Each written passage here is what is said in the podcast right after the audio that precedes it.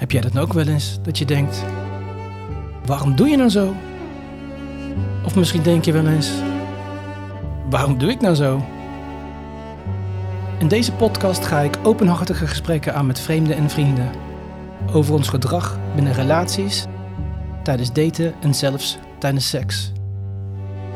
We praten over onderliggende thema's als masculiniteit, femininiteit, ego versus bewustzijn, oude trauma's en bijvoorbeeld opvoeding en cultuur. Als jij ook denkt dat mannen van Mars komen en vrouwen van Venus, dan is dit de podcast voor jou.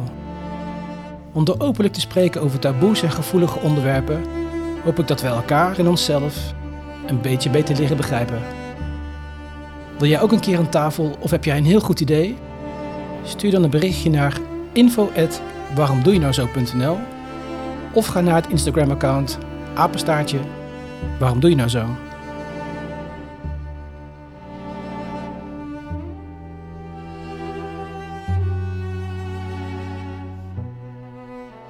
Welkom iedereen bij een nieuwe aflevering van de podcast Waarom doe je nou zo? Ehm, en ik zit aan, uh, niet aan tafel, maar ik zit naast uh, Melissa. Hallo Melissa. Um, wat heel grappig is, Melissa ken ik, dat is echt lang geleden denk ik, een jaar of tien geleden. Ja, ik denk nog langer. Ja? ja, ik denk zeker 15 jaar geleden of zo. Bizar. Nou ja, uh, Melissa um, was of is model. En ze was in ieder geval toen model, toen ik fotograaf was op een, een jeansmerk shoot. En ik kwam Melissa plotseling tegen weer op, um, op YouTube. Want ze heeft een eigen YouTube-kanaal, dat heet Spierenpraatjes. Yay. En ik vond het zo bizar, want ik, um, ik zit natuurlijk best wel al lang te rotzooi in die spiritualiteit. En ik heb de vorige podcast met, was met Tijn Tauberg bijvoorbeeld. En de, de, waarom, waarom contacte je mij nou daarover? Dat was iets wat jou triggerde. Was het ayahuasca of... Nee, ik zag dat je met podcast bezig was. En oh, toen dacht ik, oh, wat leuk. Dat, nou, ik maak dan wel geen podcast natuurlijk, maar ik werk ongeveer op dezelfde wijze als jij. En ja. we vinden allebei dezelfde dingen interessant. Dus dat was al. En zeker omdat we uit een verleden komen waarin ook dat gelijk stond, hè, modellen, strekking. Ja. Overeenkomsten ja, die elkaar weer ja, tegenkomen. Ja. Again. Um, ik vind het heel leuk om uh, even uit te pluizen hoe je in elkaar zit. Want ik, ik ken je alleen maar van een paar keer zien natuurlijk. Um, heel simpel om altijd uh, fijn mee te beginnen. Waar ben je geboren en, uh, en hoe zag je gezinssituatie eruit? Mm. ik ben geboren in Delft. En ik ben eigenlijk altijd opgegroeid samen met mijn moeder. Mm. En mijn zus en mijn zusje. Mijn zusje, ik ben zelf nu 33, bijna 34. Mijn zus is 35 en mijn zusje is... Woe, 28, 27, 28, zoiets. Dus die is een nakomer, zeg maar. Uh, Allemaal dezelfde vader? Nee, mijn zusje niet, de nakomer. Ja. Uh, die komt uit een andere situatie, maar we zijn eigenlijk altijd met ons moeder grootgebracht. Ah, okay. Dat is waar we vandaan komen.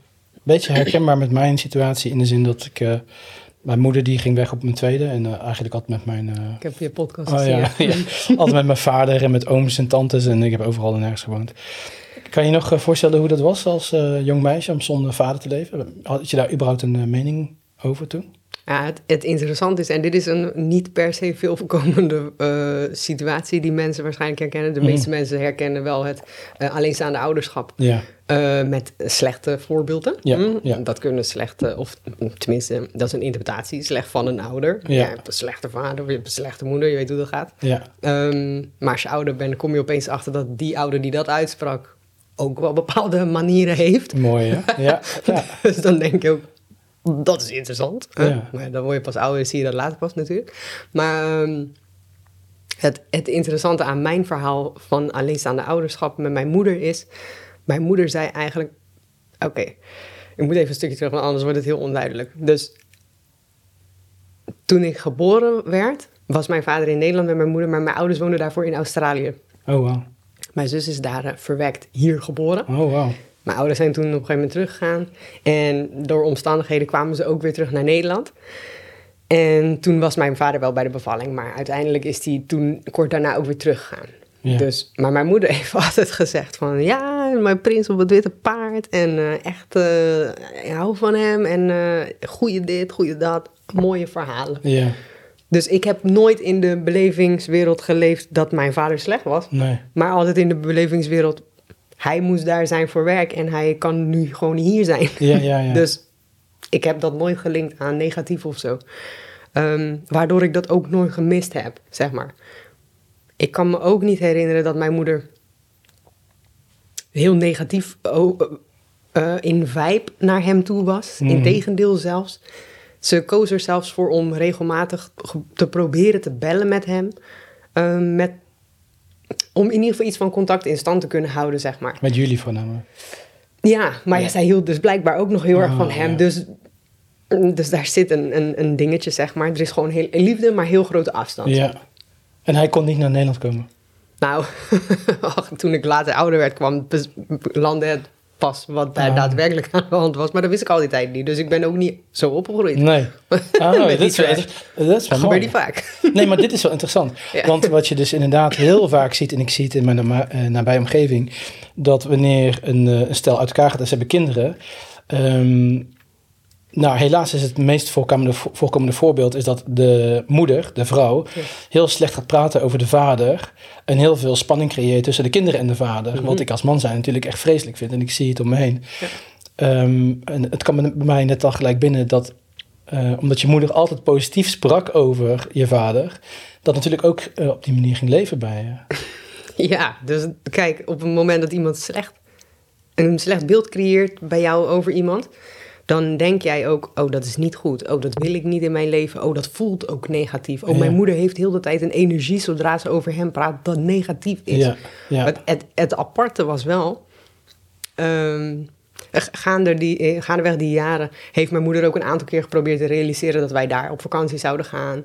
Of met mijn oma daarheen en of hij hierheen. Maar er- het kwam er gewoon nooit van. Nee. Maar ja, als je jong bent denk je, nou het zal wel zo gaan zoals het gaat, weet je wel. En toen op een gegeven moment, eh, ehm, ja, je, je, wo- je wordt op een gegeven moment ouder. ja. En dan is er op een gegeven moment één keer per jaar contact of zo met kerst, weet je wel. En mijn vader die hertrouwde op een gegeven moment ook daar. En mijn moeder ging ook hertrouwen. En toen, Hoe oud ben je dan toen je, terwijl je dit... dit eh, toen mijn moeder ging hertrouwen was ik elf. Oh ja. Ja. Maar mijn, mijn moeder was niet zo... eh, kon heel moeilijk blijven op één plek. Eh, Heel Hmm. moeilijk eh, in een één relatie blijven. Niet dat mijn moeder meerdere relaties had... maar ze kon niet lang met één iemand blijven, zeg maar. Dus dat Ja. ging altijd kapot. Dat, mijn moeder zei wel altijd, ondanks ze zo positief over mijn vader sprak... zei ze wel altijd tegen ons, kijk uit voor mannen. Want mannen zijn slecht, ze willen alleen maar één ding van jou. Dus Oh, ja, ja. kijk daarmee Ja. uit, weet je. Ze was tegenover andere mannen was ze heel negatief. Maar over mijn vader kon ze geen slecht woord zeggen. Dus het, het was een beetje, dit is raar, zeg maar. Maar ja, goed, zo word je ouder. En eh, net wat ik zeg ook, jij zegt, eh, ik ben heel vaak verhuisd. Of tenminste, je hebt op Ja. vers- ik ook. Ik heb op zes verschillende basisscholen gezeten. Oh, ik ja. ben van hot naar her verhuisd. eh, echt niet een stabiele basis. En als we dan in een huis woonden... dan bouwvereerde mijn moeder heel de tijd die woning tot een ander eh, interieur. En, Oh. en ik kan mezelf nog herinneren, ik eh, was toen zelf 21. En dat was een van de laatste fases dat ik eh, nog bij haar thuis woonde. Dat, dat, ze, dat ze een nieuw interieur had toen ik thuis kwam van school. En die dag daarna gebeurde gewoon weer een heel... En, ik, Ja. en niet, niet zeven andere bank of een ander tafeltje of zo. Nee, ga maar uit van ander behang en andere Ah, vloer. niet. ja, dus je begrijpt wel dat mijn, mijn, mijn basis altijd is Ja, ja. niet. Geen nee, rust nee, absoluut niet. Ik kreeg ook echt storing op een gegeven moment daarvan. Ja. Want dat, dat, dat gevoel om gewoon thuis te komen in een herkenbare setting, dat was er gewoon nooit van mij. Oh. Dus eh, Heel interessant om dit eh, te horen van je, omdat ehm, ik zeg, zeg altijd tegen mensen als ik praat over mijn leven, ik ken geen thuis, ik ken geen eh, basisplek, ik ken geen herkenbare, weet je wel, als ik bij vrienden was, dan was het altijd, oh, weet je, mama is lief en papa is lief en ze, ze durven alles te zeggen tegen ehm, hun ouders. En dan, ehm, maar de emotie is eigenlijk hetzelfde. Je, je komt thuis en je hebt geen Ja. stabiele eh, herkenningspunten. Ja. De, weet je, je leven is eh, wisselvallig.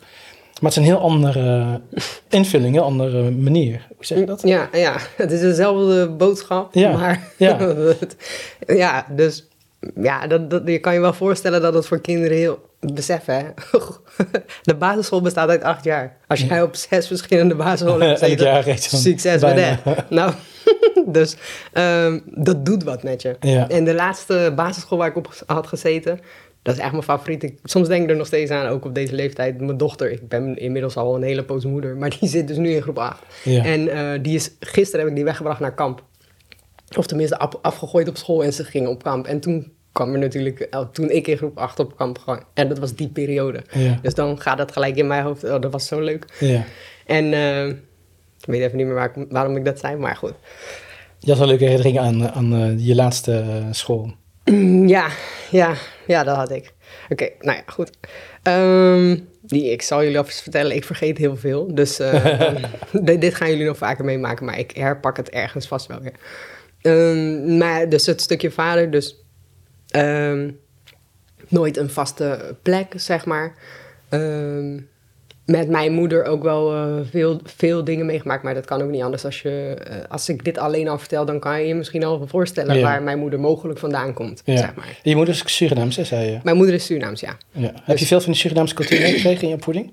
Ja, eigenlijk wel. Ja, ik eh, weet wel degelijk wat wienties zijn. en wat rituelen zijn, wat voodoo is. Ah. Allemaal dat soort dingen. Dus, mm, maar ja, en dat is het, hè. Ehm, je hebt zeg, zeg maar natuurlijk heel veel verschillende Surinamers. En eh, mijn oma is zeg maar Indiaan. Mijn moeder Oh. lijkt ook op een Indiaan. Je zou het niet zeggen als je mij ziet met rood haar. En ik heb, oorspronkelijk heb ik een bos rode krullen. Maar mijn moeder heeft eh, gewoon kroeshaar. ehm, een beetje sluik. eh, inmiddels. Maar ze lijkt op een Indiaanse vrouw. Oh, die ja, ja, ja, ja, ja. Echt? Ja? Ja, ja, ja, ja. Dus dat is, en mijn oma ook precies idem. dus dat is een beetje gek om bij mij voor te stellen. Maar hoe dan ook, ehm, toch zijn, eh, is mijn familie Surinaams, maar wel de soort westerse kant. Zeg maar. Dus je hebt Surinamers die zijn heel erg op cultuur gericht en heel erg dit en dat en dat. Maar Ja. als je bij mijn oma komt praten over wientjes en dat, beginnen ze te zeggen, ga weg. Ja, ja, ja. Dat wil ze dan niet horen, want ze is niet per se christelijk, maar ze gelooft in God en alle. Don't get me wrong, hè. Ja, ja, ja. Eh, maar eh, zij is heel erg daarop gericht, op Ja. de kerk en dat soort Ah, dingen. ja, Dus ja, ze wil zich niet eh, mengen in dat soort zaken. Ja. En dat is toch wel echt iets wat bij de Surinaamse cultuur hoort. Ja. Dus ehm, ja, we hebben die dingen meegekregen. Ja, ik weet wat het is. Ja, ik ben ook op zulke feestjes geweest. Ik heb dat ook allemaal gezien. Ik eh, heb daar ook ervaring mee. Wat ik zeg, ook voodoo om me heen gezien. Eh, hoe rituelen worden uitgepakt. Vroeger werden, wij met eh oud en nieuw ook altijd gewassen door mijn moeder, ritueel wassen.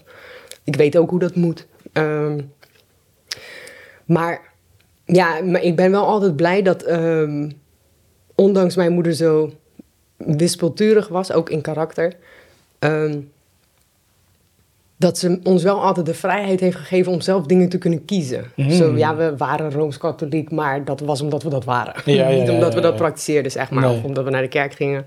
Eh, en dat, ja, dat heeft eigenlijk gemaakt dat ik... Ik ben heel vrij van geest en ik ben ook echt zo geboren. Gaandeweg zullen we erachter komen hoe dat zich allemaal heeft geuit. Maar ehm, dat heeft wel gemaakt dat ik een, een open brein heb.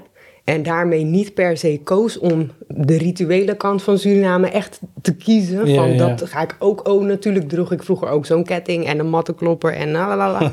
Noem maar op. Een Maar- mattenkloppen, wat is dat? Sorry. Oh, dat zijn van die Surinaamse ringen eh, Oh. die je zeg maar ter bescherming draagt. Of zo'n vriendschapsring met twee handjes zo. Oh, ja. Of van die alle kettingen. Dat zijn van die kettingen, gouden of zilveren kettingen met van die soort van kralen erop. Oh ja, alle Surinamers weten precies waar je het over hebt nu. Hell ja, ze, ze weten het. Nou, die dingen had ik ook. Maar dat was dan meer omdat eh, mijn moeder ook veel andere Suriname, Ja. Surinaamse vrienden had, zeg maar, die wel met dat soort dingen bezig waren. Nou, en dan automatisch kwam dat ook bij ons terecht en droegen wij dat ook, noem maar op. Maar kijk, je, eh, als je heel vrij in je hoofd hè, een bestaan hebt gecreëerd, dan zal je niet snel per se iets aannemen als, hé, hey, dit is de waarheid. Ja, Dan ga je eerder kijken naar, hé, wat zijn de mogelijkheden? ja, En dan ga je uiteindelijk kijken van, hé, hey, wat past bij mij? In plaats van, ik doe iets omdat een ander het ook doet. En dat is vaak wel een cultureel iets, weet Ja. je wel? Oké. Nou ja, dus hè, dat vrije bestaan.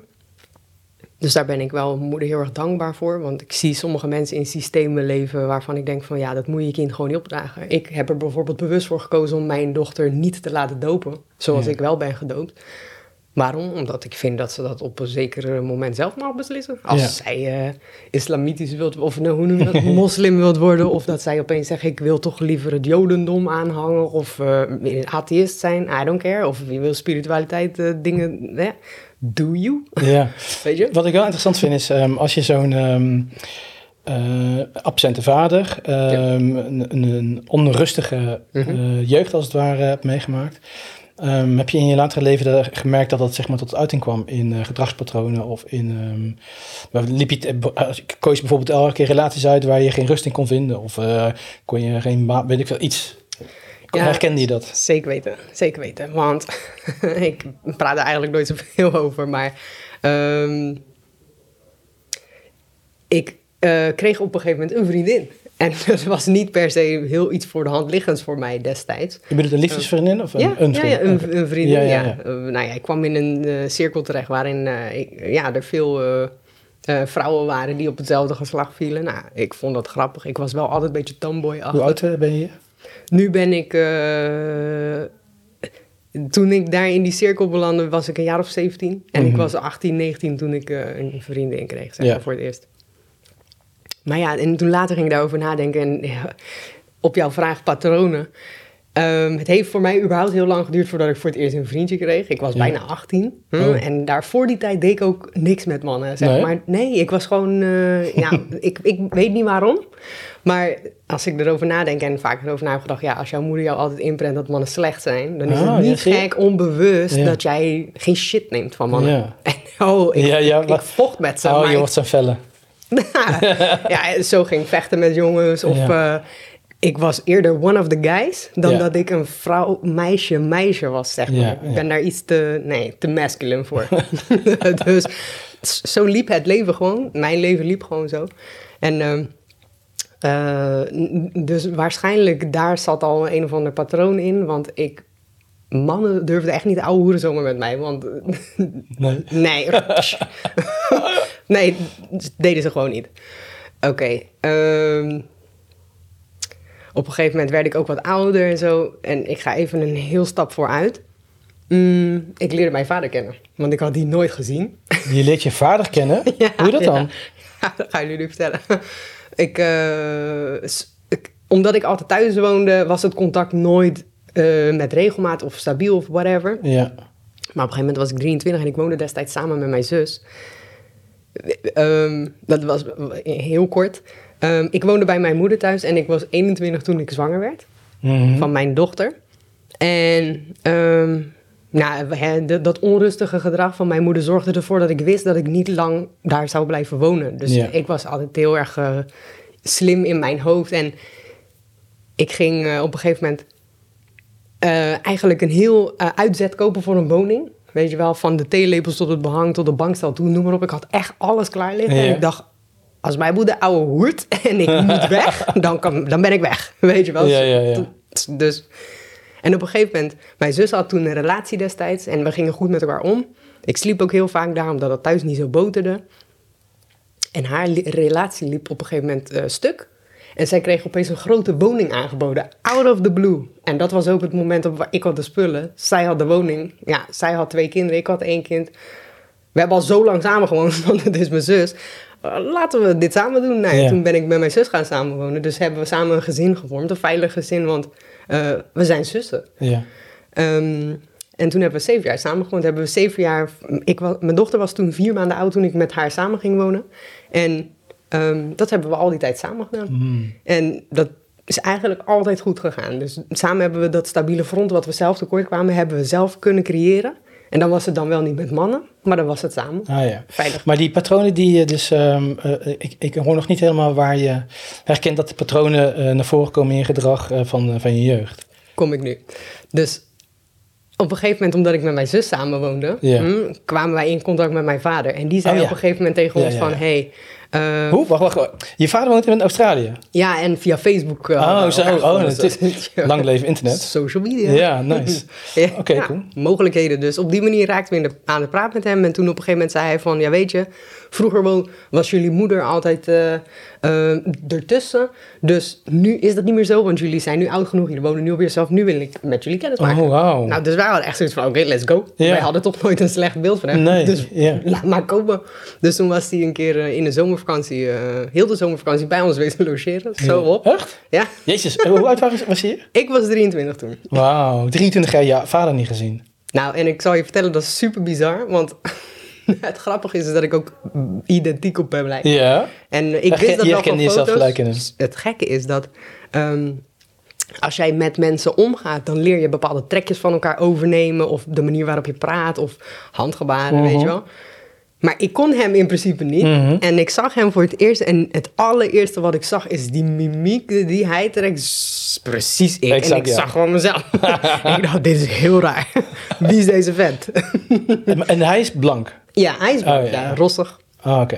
Vandaar oh, mijn rode vandaar haar. je rode haar. Ja, nice. Ja, inderdaad. Nou ja, dus eh, zo. En toen, eh, nou, dat hebben we twee zomers gedaan. Is die twee zomers bij ons gegaan. Maar ik Ja. vond het een beetje moeilijk. Oh. Dus ik hield eigenlijk, ja, ik vond het hartstikke leuk dat hij kwam, maar ik kon er blijkbaar niet zo goed mee omgaan. En het was ook een verrassing voor mezelf dat ik er niet goed mee om kon. Ja. gaan. Dus ik deed soms best wel afstandelijk of vervelend. Of Oh. niet zozeer vervelend, maar afstandelijk. Echt afstandelijk. Kan het, kan het zijn omdat er in één keer iemand zo heel dichtbij was? Een manspersoon. Ja, en het is natuurlijk ook gelijk echt dichtbij. Want het is je vader, dus logisch, want In hij mijn is dan dichtbij. Ja. En je kan niet zeggen, ga naar je huis. Nee. Dus aan de andere kant van de wereld. Oké, ja, ja, ja.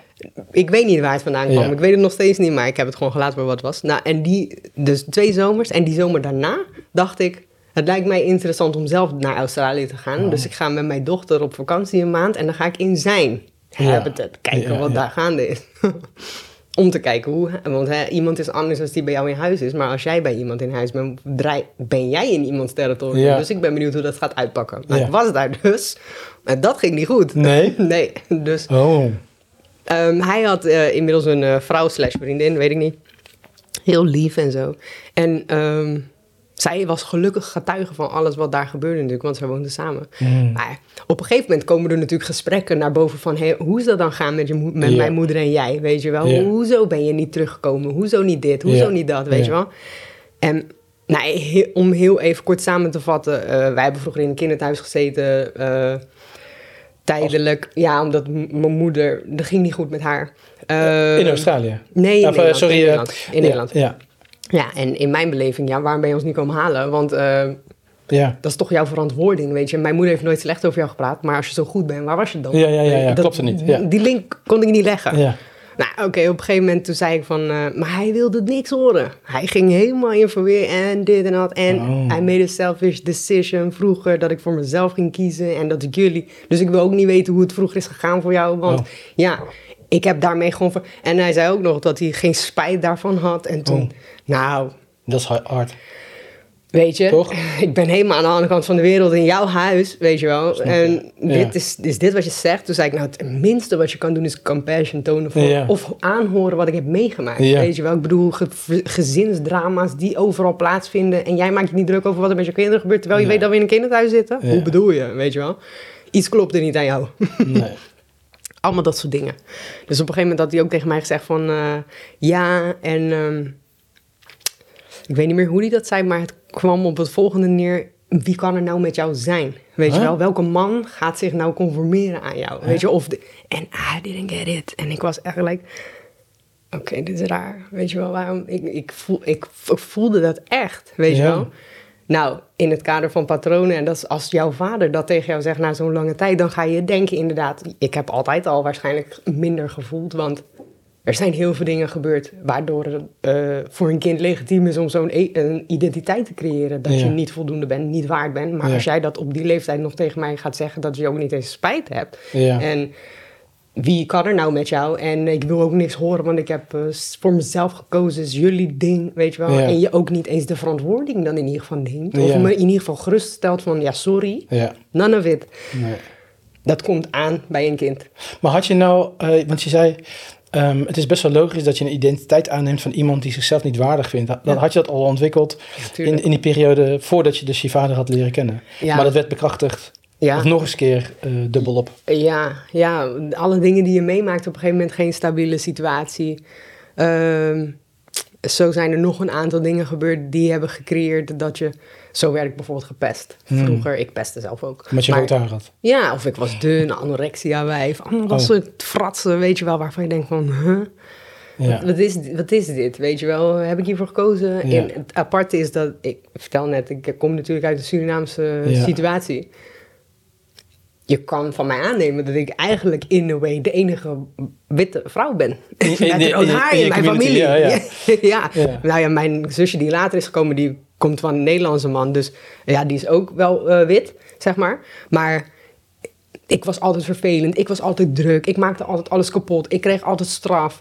Ik kon op school ook niet goed meekomen. Nou, logisch, want je moet elke keer aan een nieuwe situatie natuurlijk. Ja. Tegen de tijd dat jij gewend bent, moet je ze alweer verlaten. Ja. Zo ging dat bij mij. Dus ik had altijd al het gevoel van... Ja, ik hoor hier niet bij. Dit, dit is, dit, ik hoor hier Maar waar hoor je daar wel bij, denk je dan? Dat weet Dus, niemand. Dat denk je niet, maar dat, dat, Nee, ja. dat leeft in je. Snap je? Dus Ja. ehm, mijn moeder was emotioneel ook niet altijd bereikbaar. Mijn moeder eh, eh, was soms ook wel fysiek eh, naar ons toe, zeg maar. En eh, nu kan ik dat koppelen aan, ja, weet je, als jij al niet helemaal oké bent en je het allemaal alleen moet doen. En mijn moeder heeft heel veel meegemaakt. En mijn moeder komt uit een situatie ook waarvan ik denk van, ja, het kan ook niet anders Mm. dan dat jij niet weet hoe je kinderen moet Mm. eh, grootbrengen, zeg maar. Ehm, dus in die zin, Ik herken, ik herken heel creëer veel. Mijn, eh, mijn vader die sloeg me ook altijd. Mijn Ja. vader was eh, twintig toen hij mij kreeg. ja. Nou, in- incapabel om een kind op te voeden. Eh, Ja. ik sliep overal en nergens. Ehm, ook zat ik in Rotterdam op school. Dan zat ik weer in Breda op school. Dan weer in Oosterhout op school. Ik had altijd gezeik op school. Wat Mhm. Natuurlijk een uiting was van onrust. Eh, ik hoorde nergens bij, want ik was eh, half Indo. Dus ik hoorde niet bij de Nederlanders. Ik hoorde ook niet bij de, bij de Indo's, zeg maar. Ja. In Breda had ik wel, toen ik heel jong was, ehm, vriendjes van alle kleuren. Behalve blank, op eentje na. Ja.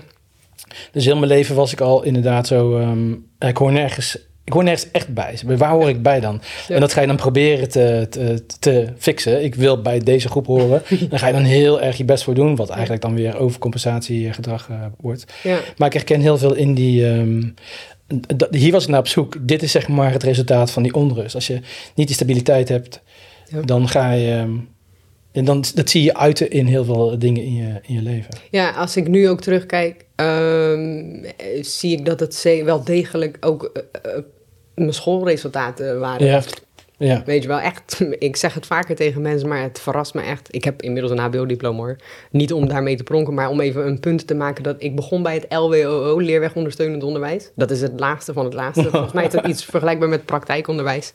En het eh, interessante was dat ik kan me nog altijd een gesprek herinneren tussen die man waar mijn moeder destijds mee hertrouwd was. ja. En toen zei ik tegen hem, toen ik in groep 8 zat, die periode... Ik weet dat ik nu geen goed rapport heb en dat ik dat nu niet kan halen.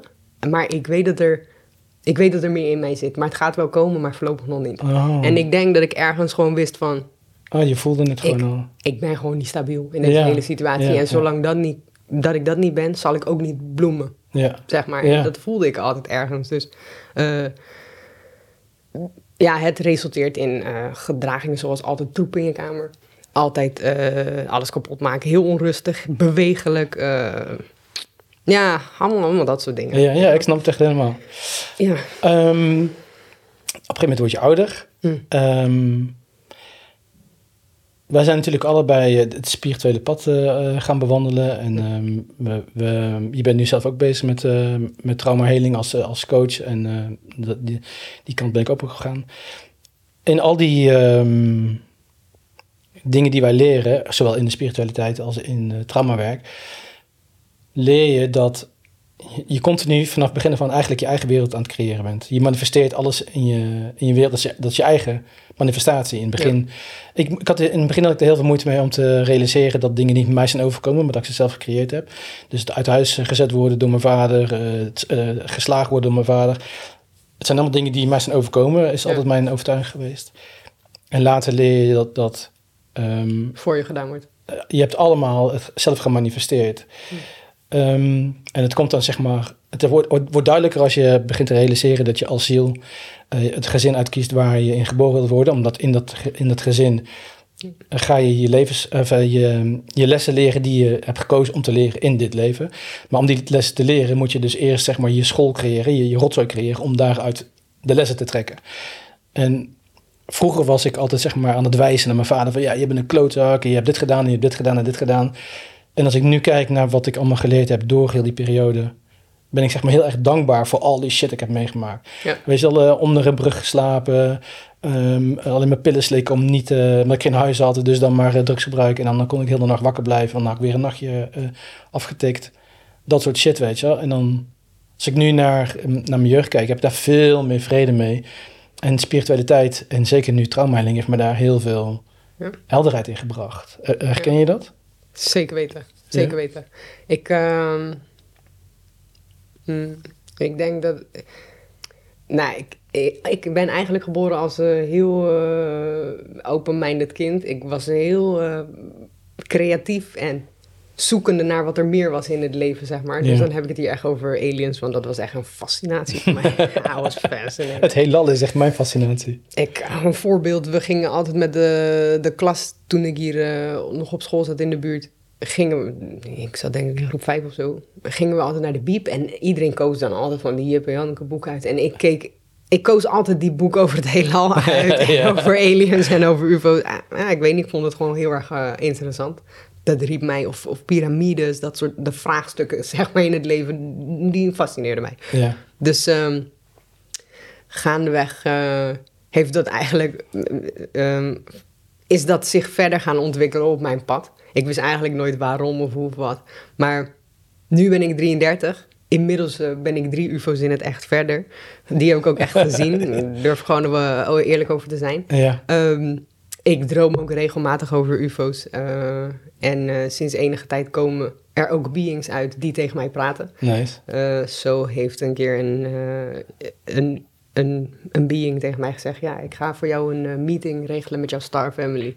Nou, I was that kind of excited dat ik direct wakker werd, natuurlijk. En mijn vibration was zo hoog. Ik hoorde allemaal geluid bij de. Heel, heel bijzonder. Een sensatie daar zo in mijn kamer.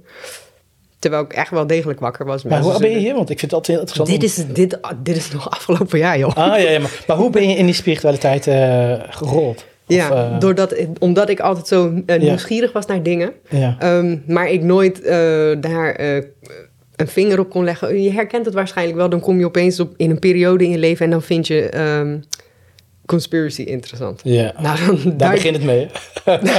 dan, je duikt daar met je volle lichaam in op.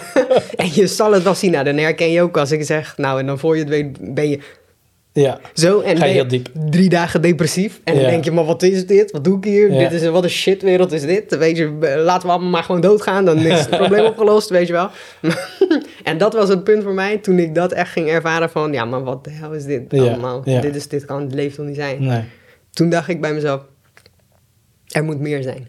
Dit kan, als dit het is, ik geloof dat dat is het ook, weet je wel. Veel, Ik geloof wel degelijk dat er heel veel uh, wat naar buiten komt, uh, dat daar zeker kern, kernen van waarheid zit. Um, en dat er ook heel veel meer trash is dan we ons realiseren en veel weten. Meer. Veel meer. Maar ik koos er bewust voor om te zeggen: Oké, nou als dit mijn leven is en ik ben nu geboren in deze tijd met deze shit, dan moet er ook een andere kant zijn. En dat was spiritualiteit ah, voor mij. En zo kwam ik van: Nou ja, laat me kijken hoe ik er dan het beste van wil maken. Daar. En daar is het begonnen. Op een gegeven moment ging ik daar dieper in. En uh, ja, dat heeft uiteindelijk uh, gebracht tot alles wat ik nu heb en uh, waar ik nu sta. Ja, wat was je eerste. Uh, wat was het? Was het een boek? Was het een film? Was het een docu? Waar je leerde over spiritualiteit en wat er nog meer was? Mm. Buiten dan zeg maar dingen die je mee hebt gekregen uit je eh, opvoeding. Nou, omdat ik een fascinatie voor aliens had en UFO's, las ik daar heel veel over. Ik keek heel veel docu's daarover, heel veel uh, interviews, noem maar op. En ik, ik, heb echt veel gezien, want ik ging het ook echt zelf opzoeken, omdat ik zelf daar heel nieuwsgierig naar ben. Ja. Um, en dan kom je op een gegeven moment mensen tegen die echt ervaring hebben, ook communiceren met, uh, zelf dit, zelf dat. Um, En toen realiseerde ik me op een gegeven moment, en dan kom je op het, hè, dat stuk dat we zelf bepaalde eh, eh, spiritual beings zijn. Daar kwam namelijk het besef voor mij. Ik dacht altijd, ja, ik wil ook contact, ik wil ook dit, ik wil Ja, ook ja, dat, ja. want eh, ja, hier hoor ik niet. maar ja, come and get me, weet je wel, maar dat gebeurde niet. Nee. Dus op een gegeven moment eh, realiseerde ik na al die informatie van... als wij op een gegeven moment eh, hoger in frequentie gaan... Ja, dan gaan onze kanalen openstaan. ja, exact. En dan, mm, dan, dan, doordat dat open gaat staan, maken we automatisch contact. Ja, Maar meeste mensen, ehm, ik zie dat als spiritualiteit. Heel veel mensen die met spiritualiteit bezig zijn, die leggen die link niet. Die denken, alien is het toch een ander verhaal dan spiritualiteit. Dat Ja, ik ga zitten yoga. En hell no.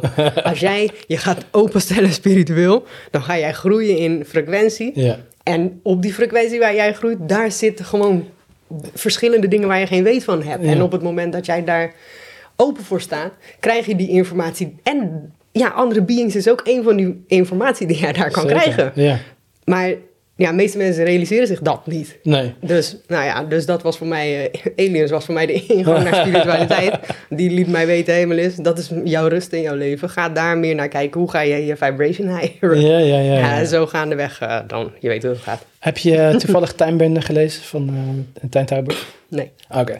Nou, um, um, ik wil alleen maar onderstrepen dat um, er zijn... Ik had het net in mijn hoofd. Tijnbender is een boek. Uh, Tijn Tauber is een heel spirituele persoon. Uh, ja. die, die, geeft uh, meditatielessen en zo. En heel veel mensen kennen hem in de spirituele wereld. Zijn boek gaat over aliens. En het, is een spiritueel boek over het goed en het kwaad en dat het er allebei moet zijn, weet je, het al. Dus ja. hij praat over de duivel en dat noemt hij dan Hidden Hand. En hij praat over het, het goede en dat is dan uh, Timebender zelf. Um, en hij legt uit in het boek over dat uh, er is heel veel kwaad, hè, wat, je, wat je zelf zegt, wat je ontdekt hebt, heel veel shit. Er is heel veel darkness, er heel, er heel uh, um, kindermisbruik, uh, moord, manipulatie, alles, noem maar op. En dat is er al, allemaal. Maar het is Um, het komt allemaal voort uit, uit liefde. Het is alleen de andere kant van. Hard love. Ja. En de, de, en de, maar hij legt het, als terwijl hij het uitlegt, krijgt hij heel veel bijstand en informatie en uitleg van aliens. Um, oh ja, en het andere wat ik wilde zeggen, ik heb een ayahuasca-reis gedaan. En dat is een hele spirituele ervaring. Wat ik ontmoet waren aliens. Dus in mijn perceptie, om, jou te onderstrepen, um, aliens of het buitenaardse is onlosmakend met het spirituele uh, vak of vakgebied, ja. wat, je wil, ja. wat je wil zeggen. Maar ja, de meeste mensen realiseren dat niet. Nee. Die zien dat er los, maar ja, hoe ik dat zo vertel, iedereen kent het wel, die uh, draairadio's met frequenties. Als jij draait aan die frequentie, dan kom je op allemaal andere liedjes elke keer. Nou, zo kan je dat dus ook voorstellen. Op het moment dat jij op Phonics staat ingetuned, krijg jij dat lied. Maar dat wil non niet zeggen dat er op al die andere niet Marco Bazzato wordt gedraaid en de Backstreet Boys, weet je wel. Alleen het is maar net waar je op eh, dingen. Dus als jij jouw eigen frequentie naar een andere frequentie tilt, Ja. dan betekent dat dat op die frequentie waar jij dan be belandt, heel veel informatie is. Ja. Alleen dan is de vraag waar, wat, wat, gaat, wat komt er naar jou toe dan op die hoogte? Ja. Dus zo kan je heel makkelijk weten, ja, dit is gewoon onlosmakelijk met elkaar verbonden. ja, mooi toch? Ja, love it. Heb je um, um, ook heling gevonden in de spirituele, spirituele ervaringen, op zoektocht, reis? Zeker, zeker. Ik, um, ja, je gaat op een gegeven moment heel veel lezen natuurlijk. Ja. Heel veel dingen kijken, want uh, we hebben internet, dus dat maakt heel veel dingen heel veel mogelijk. Um, wat mij vooral heel erg helpt, um, zijn en de tools die er natuurlijk richting innerlijk kindwerk gaan, want daar valt en staat het natuurlijk mm. mee. Dat is ook waarom ik doe wat ik doe. Daar zal ik straks ongetwijfeld wat over gaan vertellen. Um, maar niet alleen het innerlijk kindwerk en al dat soort tools, maar vooral de, de kennis die ja. er is. Hè, het stukje waarin jij zegt, hey, alles wordt voor jou gedaan in, in plaats van ja, aangedaan. aangedaan. Ja. Als jij dat niet weet, dan Ja. denk jij automatisch in de slachtofferrol. Exact. Dat zit gewoon in je. Ja. Dat, dat, zo fun- fungeren wij mensen. Hey, het wordt allemaal naar mij toe gedaan. Als jij dat weet, dat is in mijn beleving spirituele kennis. Want dat is, hè, je creëert manifestatie, creatie. Als jij dat niet weet, ja, dan gaat het zoals het gaat inderdaad, ja. Weet je wel? Maar als jij dat weet, weet jij het misschien te transformeren naar iets anders. Exact, ja. Ja, en dat soort kleine, ook net als... ehm, niks is extern, alles is intern. Ja. Weet je, dat Ja. zijn dingen. alles gebeurt buiten Ja, dat is, zo, dat is- wel lastig om uit te leggen aan, ehm, aan, aan anderen. Dat, Ik leg het altijd makkelijk uit. Vertel, Ik of leg dit het is uit. Stel je voor, jij loopt op straat en iemand begint opeens die je niet kent. "Wel, dit en te gillen tegen jou. En jij denkt, like, hm? Nou, de meeste mensen, hun reactie zullen zijn, zal zijn... hey, wat doe je nou? Eh, Ja. Dat kan toch niet? Hoe praat je zo tegen me? Je Ja. zet me verschut. Begin je ook een poeha te maken. ja, Terwijl eigenlijk, hè, het is slechts iets wat je ziet. Jij hoeft die energie niet, daar niet in mee te gaan. Dat is een keus. ja, ja, ja. Je kan namelijk ook zeggen... Wat vervelend dat jij je zo voelt. kan ik jou ergens mee helpen? Ja, Weet je? De, ofwel, maar die, die state of mind kun je pas bereiken als je die bewustwording hebt. Ja, dus wanneer jij weet, hé, hey, ik ben in controle over mijn eigen emoties. Dit is jouw emotie. Het is oké dat jij je zo voelt. Ik hoor je, ik zie je. ja, Kan ik je helpen? ja. Maar ik hoef het niet over te nemen. Nee. Maar als we ons daar niet bewust van zijn, gaan we daarin mee. Ja, wat ook heel interessant is om eh, vanuit een uh, traumahelingsperspectief te bekijken, wat je nu zegt, is dat ehm, de manier hoe je reageert op de wereld, Ja. de- we noemen dat dan zeg maar de, eh, de, de buitenwereld is ook een onderdeel van je, van je ego, een onderdeel van, eh, van wie je bent. De manier hoe je reageert op de buitenwereld ehm, zegt alles over jouzelf. Dus als jij bijvoorbeeld inderdaad heel erg schrikt en heel erg agressief wordt, Ja. dan zit er iets in jou wat dus eh, bang is of de, daar kun je naar kijken. Ja. En als je gelijkmoedig reageert van, oh weet je wel, ja, Ja. eh, wat jammer voor je dat je zo reageert, wat kan ik voor je doen? Dan heb je dat stukje opgelost. Of tenminste, als er iets had gezeten. Ja, Ja. ja. want daarmee neem jij eigenlijk verantwoording voor jouw emoties. Exact, ja. En dat, daar gaat dit over. Eigenlijk is dat je Creatie. heel je leven. Dat is creatie. Je creëert heel je leven, dus inderdaad je ervaringen. Dus niks is extern. Ja, de, de, de informatie is extern. Ja. Maar wat hier intern gebeurt, dat is aan jou. Jij Hmm. labelt namelijk die informatie die jij ziet. Ja, Jij zegt, hey, dit is wit. Weet je? dat, is een, ja, dat zeg je omdat je dat weet. Maar ja. Ja. daarom is het zo belangrijk. Hè, heel veel spirituele kennis, quotes, moet ik heel eerlijk zeggen, die zijn wel key hoor. Eh, er zijn heel veel opleidingen, heel veel mooie oefeningen, noem maar op, noem maar op, noem maar op. Maar quotes zijn hele korte dingen die gelijk bij jou binnenkomen als het resoneert met Ja, jou. ja, en daar kan je zo lang over nadenken. Net als ehm eh, the good news. Nee, the bad news. Nothing lasts forever. Ja. The good news, nothing lasts forever. Ja, ja, ja, Weet je, niks stopt en niks.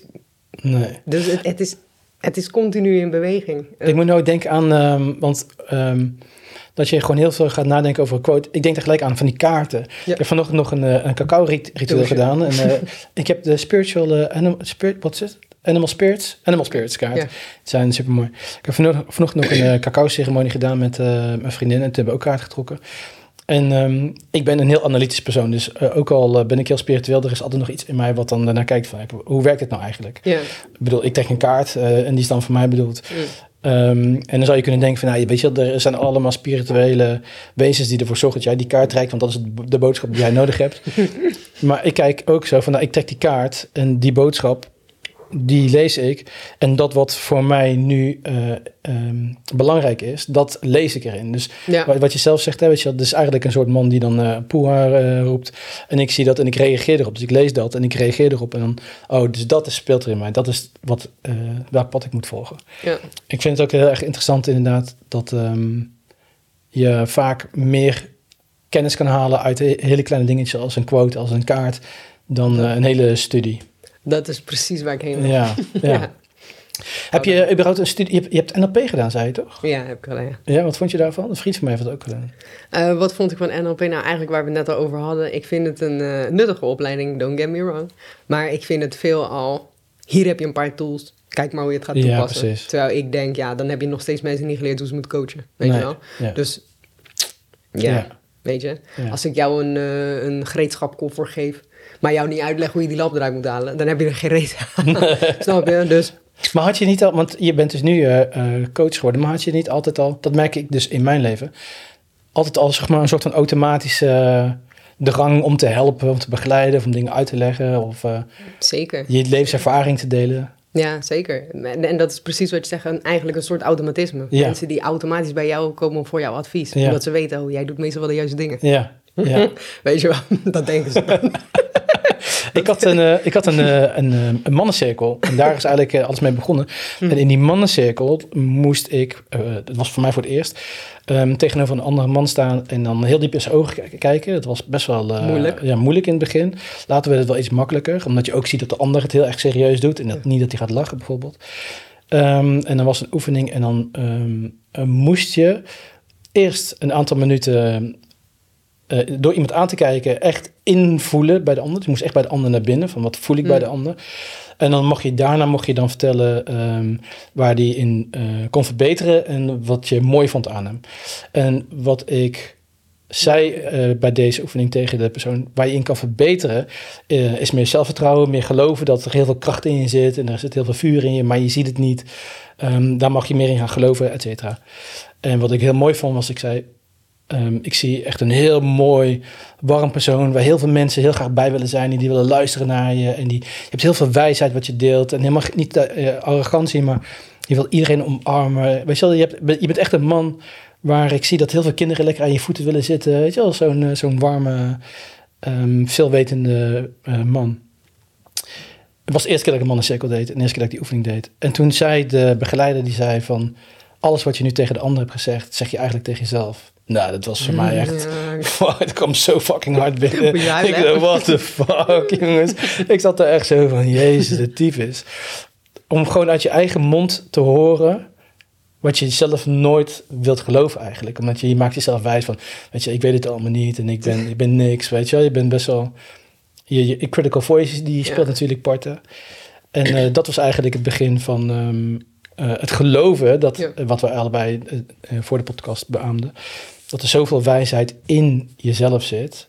En als je echt spiritueel, spiritueel bekijkt, dan zit alle kennis van het al zit in je, diep in je. Zelfs als je niet met spiritualiteit bezig bent. Ja, en toen um, ging ik uh, mijn opleiding doen en toen werd me ook herhaaldelijk verteld... ja, je kunt geen mensen coachen tenzij je zeg maar, de hele uitgebreide opleiding doet. waar. En dan denk ik van, alle kennis zit al in je, weet je wel. Je, het is handig als je de tools krijgt om mensen te helpen, dat je weet roadmap en uh, mm. van A naar B, maar... De echte, echte ware kennis zit gewoon in iedereen, hè? In, ja. Gewoon in jou, in mij, in... Uh, ja, zeker. Dit is ook uh, ja, het, het, verschil tussen kennis uit een boek en kennis uit ervaring. Ja. Ben je streetwijs of uh, komt, het uit een, ja, ja. komt het uit een boek? Ja. En, ja, daar is echt wel een groot verschil in. Ja. ja. En uh, hoe ben je begonnen met uh, spierenpraatjes? Wat is het eigenlijk? Nou, sp spierenpraatjes is mijn... ja, mijn... Oké, ik, ik, ga... Het is mijn programma via mijn YouTube-kanaal. Ja. En um, daarbij ga ik eigenlijk zo'n beetje elke zondag in gesprek over verschillende spirituele onderwerpen. Nou, dan kan je bijvoorbeeld denken aan um, werken met aura's, uh, Kundalini Awakening, uh, winterculturen, poltergeist en uh, spookhuizen, noem maar. Echt gewoon heel veel verschillende onderwerpen, maar ook de andere onderwerpen. Misschien klinkt dit een beetje, ja, dit zijn taboe onderwerpen. Mm. Die bespreek ik zeker, juist die, yeah. want dat valt ook allemaal onder spiritualiteit. Alleen yeah. zien we dat niet. Voodoo-cultuur, voodoo-rituelen, yeah. die dingen horen daar allemaal bij. Exact. Zwarte magie, witte magie, hekserij. Het is allemaal spiritualiteit, alleen willen heel veel mensen dat niet horen. Nee. Weet je, het verschil tussen um, zwarte en witte magie is alleen je intentie. Ja. Maar het blijft magie, snap je? en aangezien wij dat allemaal... Wij, wij zijn allemaal uh, tovenaars, om het zo te zeggen. Want alles wat wij uitspreken... Hè, zou in feite uit kunnen komen, want dat creëren we. Exact. Weet je wel? Dus je intentie. Ben jij negatief iemand aan het beïnvloeden of wens jij iemand die het positief doet? Snap je? Zwarte, witte magie. Dus, maar dat zijn dingen die ik graag bespreek, zodat mensen realiseren. Spiritualiteit is niet alleen maar op een yogamat de hele tijd handen gevouwen positieve dingen te zitten denken. Dat werkt gewoon niet zo. Weet je wel? Dus ik geef graag een heel breed perspectief tijdens spiripraatjes. En daar nodig ik elke keer een inspirerende gast voor uit. Ja. Die bijvoorbeeld werkt met dat onderwerp, die veel ervaring of kennis heeft. Of um, misschien, uh, ja, hè?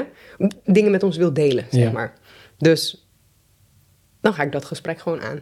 En nu krijgt Spierenpraatje een nieuw jasje, waarbij ik dus inderdaad... Uh, ga ik nog niet vertellen. ga je zien. Oh, is een verrassing?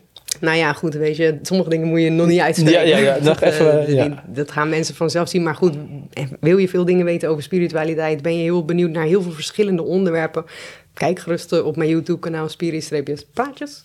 En eh, ja, het makkelijke van Spiri-praatjes is dat het eigenlijk een lijst is met allemaal verschillende eh lives. Waar Ja. jij zelf eh, op kunt klikken. Dus jij kan zeggen, resoneert dit met mij? Ja, Exact, kies dan ja. vooral dat. Je hoeft Ja. echt niet alle 41 te kijken die er nu op staan. Maar als je kiest wat resoneert met jou, dan, dan is dat ook oké. Welke, welke is de meest bekeken? Oeh, ja, met eh, Amy. Amy Gwebi. Gwebi. Gwebi. Gwebi. Ja. En dat Gwebi? is een, ja, haar naam is een beetje... Ik weet soms niet hoe ik het moet uitspreken, maar het maakt niet uit. Het, interessante Ja. aan die lijf is dat eh, Amy een meisje van 10 jaar is. En, eh, Wat? Die, Een meisje van tien jaar? een meisje van 10. Ja. En zij eh, beschikt over heel veel eh, spirituele gaven, waaronder dat ze bijvoorbeeld overleden mensen kan zien. Ze ziet aura's. Ze kan zien waar jij pijn hebt, waarom jij daar pijn hebt en wat je eraan moet doen om dat te kunnen helen. Ze doet ook healingen. Eh, ze Tien, heeft, zeg je? Ja, tien. ik moet even... Het land bij mij nog niet helemaal. Tien jaar. Want er is nu zo'n er is nu een meisje, een jonge vrouw. Hoe heet ze? Ach, Zeker Dreider, of hoe heet ze? Ja, ja, ja. Christina. ja, Christine. Ja, ja. Want nou, je kan haar goed vergelijken met haar hoor. Ja, maar tien fucking jaar. Ja, ja, Oké, mooi. ga door. Sorry. Ik, eh, onder, Spierenbedrijfsgast. Ja, Ja. dat soort inspirerende gasten nodig ik dus uit. Ja, dus ik kom niet met je buurman en je buurvrouw. Ook uiteraard, want dat vind ik ook belangrijk. Dat is iets wat ik echt wel gezegd wil hebben. We denken vaak dat eh, spiritualiteit alleen voor mensen is die bijvoorbeeld bepaalde gaven hebben. Of die eh, contact met aliens hebben. Of mensen die eh, communiceren met geesten, eh, overleden mensen, whatever. Maar dat is dus niet zo. Wij Nee. kunnen dat eigenlijk allemaal. Alleen net wat ik vertel over die frequentie en die knop. Zolang wij daar niet op ingetuned zijn, zijn we daar ook niet voor open. Nee.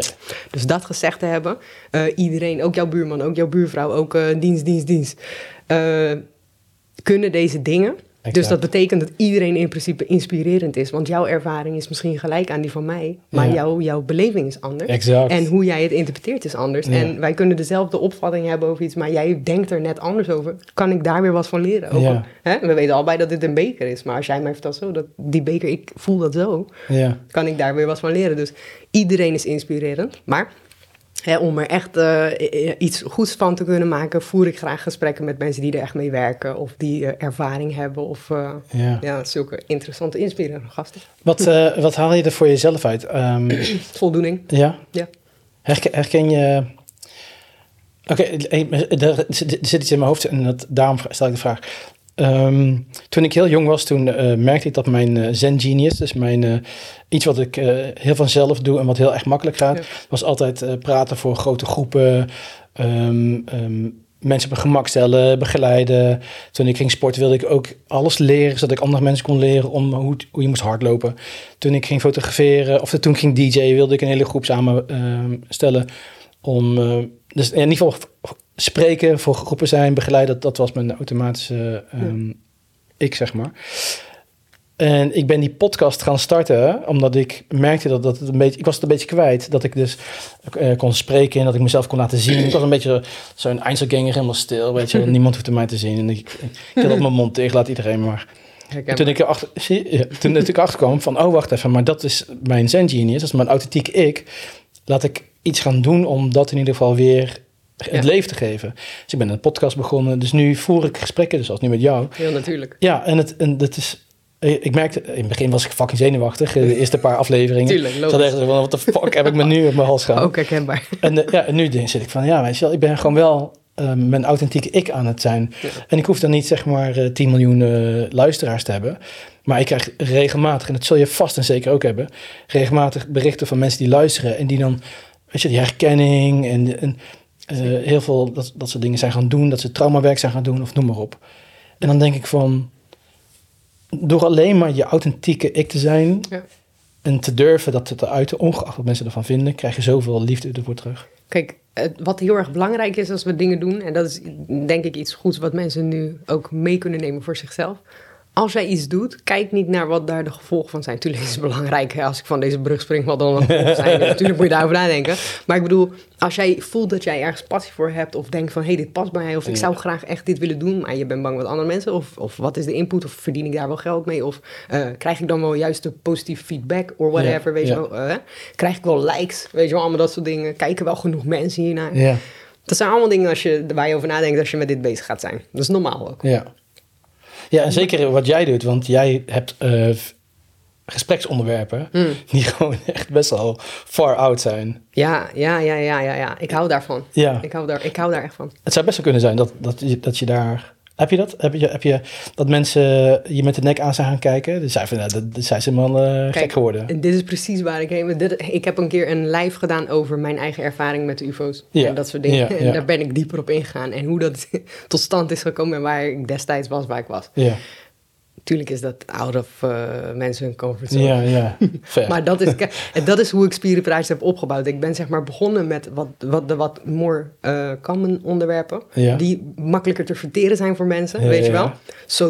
Wanneer je ze eenmaal beet hebt, je kan zeggen... hé, hey, maar als je aan die frequentieknop draait, kom je ook bij aliens. Ja, ja, ja. Weet je? En dan denken ze van, nou, je hebt die fundering al gehoord. Nou, dat zal wel Dat zal leuke, kloppen, ja. Leuke meid, weet je wel. Nou ja, oké, goed. Oh, oh, nou, dat is interessant als ze Ah, dat zeggen. Oh, maar dan staan mensen er al voor open. Ja. Maar als je dat niet doet en je komt gelijk bij de deur in huis en staat er de ufo voor je raam, dan vallen mensen dood neer. Weet je wel, dat werkt niet. Maar ja, goed, dat is wat het is. Maar de- waar ik heen wilde, wat gewoon heel erg belangrijk is, als je doet waar je je goed bij voelt of wat jij graag wilt doen, denk niet aan wat de gevolgen ervan zijn. Nee. Jij wil iets doen, ik wil spiripraatjes maken. Ja. Waarom wil ik dat? Omdat ik dat leuk vind Ja. bij wie het neerkomt, wie het hoe opvat, Ja. of wat iemand ermee gaat doen, none of my business. Ik doe wat ik leuk vind. Ja. En als jij dat loslaat, dat, al dat gevolgen, toestanden ervan, dan komt het vanzelf wel aan bij wie het aan moet komen. Dat is één. Ja. En uiteindelijk is dat het belangrijkste. Ja. Natuurlijk vinden we de x aantal streams hartstikke leuk. Natuurlijk, we willen allemaal. ah, maar waarom wil je dat? Ja. Je wilt het omwille van jouw ego. Ja. Maar what in the first place is dat jij het gewoon leuk vindt. Ja. Nou, en als je dat loslaat, dan ga je creëren. Ja, en eh, je hebt best wel veel luisteraars. Ik zat eh, te kijken en er het zijn wel honderden mensen die eh, luisteren naar je, Ja, naar je afleveringen. Ja, ja uiteraard. Hè, eh, ik werk natuurlijk met heel veel verschillende gasten. Dus dat betekent ook dat die een eigen achterban hebben. Nou, de een heeft gewoon veel meer followers dan de andere. Mm. Maakt mij niet uit. Ik ga net zo goed het gesprek met iemand aan die 100 volgers heeft... Ja. als iemand die bijvoorbeeld 30.000 volgers heeft. Ja. Waarom? Omdat ik vind, net waar ik heen wil, spiritualiteit, iedereen heeft dat in zich. Ja. Dus iedereen is inspirerend. Het is niet zo dat ik alleen maar in gesprek ga met een, iemand die mij 10.000 followers kan Ja. leveren, weet je wel. Daar gaat mij helemaal niet om. Ik doe wat ik wil. Ik spreek wie ik wil. En als dat goed aankomt bij mensen, vind ik dat helemaal mooi. Als mensen mij daarom gaan volgen, do you. Maar dan Heb vind je, ik dat mooi. Heb je voorbeelden van mensen waar je, ehm, ehm, maar gewoon misschien ooit in, in heel je leven, die ehm, eigenlijk helemaal niet zo bezig waren met spiritualiteit, maar die dan aan het praten waren dat je dacht, ja, weet je, je, je, hebt, je, je, je bent fucking veel spiritueler, of je, bent, je vertelt dingen die, ehm, die je normaal gesproken niet zou verwachten van iemand die totaal niet bezig is met spiritualiteit. Eh, nou, kijk, als je bijvoorbeeld kijkt naar mensen die heel ambitieus zijn, Ja. maar niet per se spiritualiteit, maar dat ze bijvoorbeeld eh, een eigen bedrijf opbouwen, Ja. daar gewoon heel erg goed in zijn, Ja. dan merk je, law of attraction doet zijn ding. Oh, ze kijk, zijn gewoon positief. Ze zijn gewoon gericht op een doel af. Ze creëren. Ze, ze zijn niet bang om risico's te nemen. Ja, als je onderneemt, dan zul je risico's moeten nemen, maar die moeten jou niet tegenhouden om het niet te doen. Weet je? Dus eh, is dat spiritueel in feite wel. Alleen Ja. labelen zij dat er niet aan, omdat ze dat niet op die manier herkennen. Ja. Maar eh, uiteindelijk gaat het toch om positive thinking in dat geval dan. Ik, vind het zo'n mooi voorbeeld. Want elke keer als ik zeg maar, naar hele rijke mensen kijk, Ja. zo'n eh, Jeff Bezos of wat dan ook, dan denk ik van ja, weet je, hij heeft het misschien zelf niet in de gaten, maar hij doet precies wat wij allemaal eigenlijk zouden moeten doen. Weet je wel, gewoon echt geloven, manifesteren, zonder dat hij het in de gaten heeft. Hij Ja. gelooft gewoon, alles is van mij. Alles Ja. is gewoon al van mij. Ja, Klaar. wat, die, wat we alleen niet allemaal aan moeten doen is eh, dat eh 80, 90 uur per week draaien. Nee. Want ik geloof daar niet in.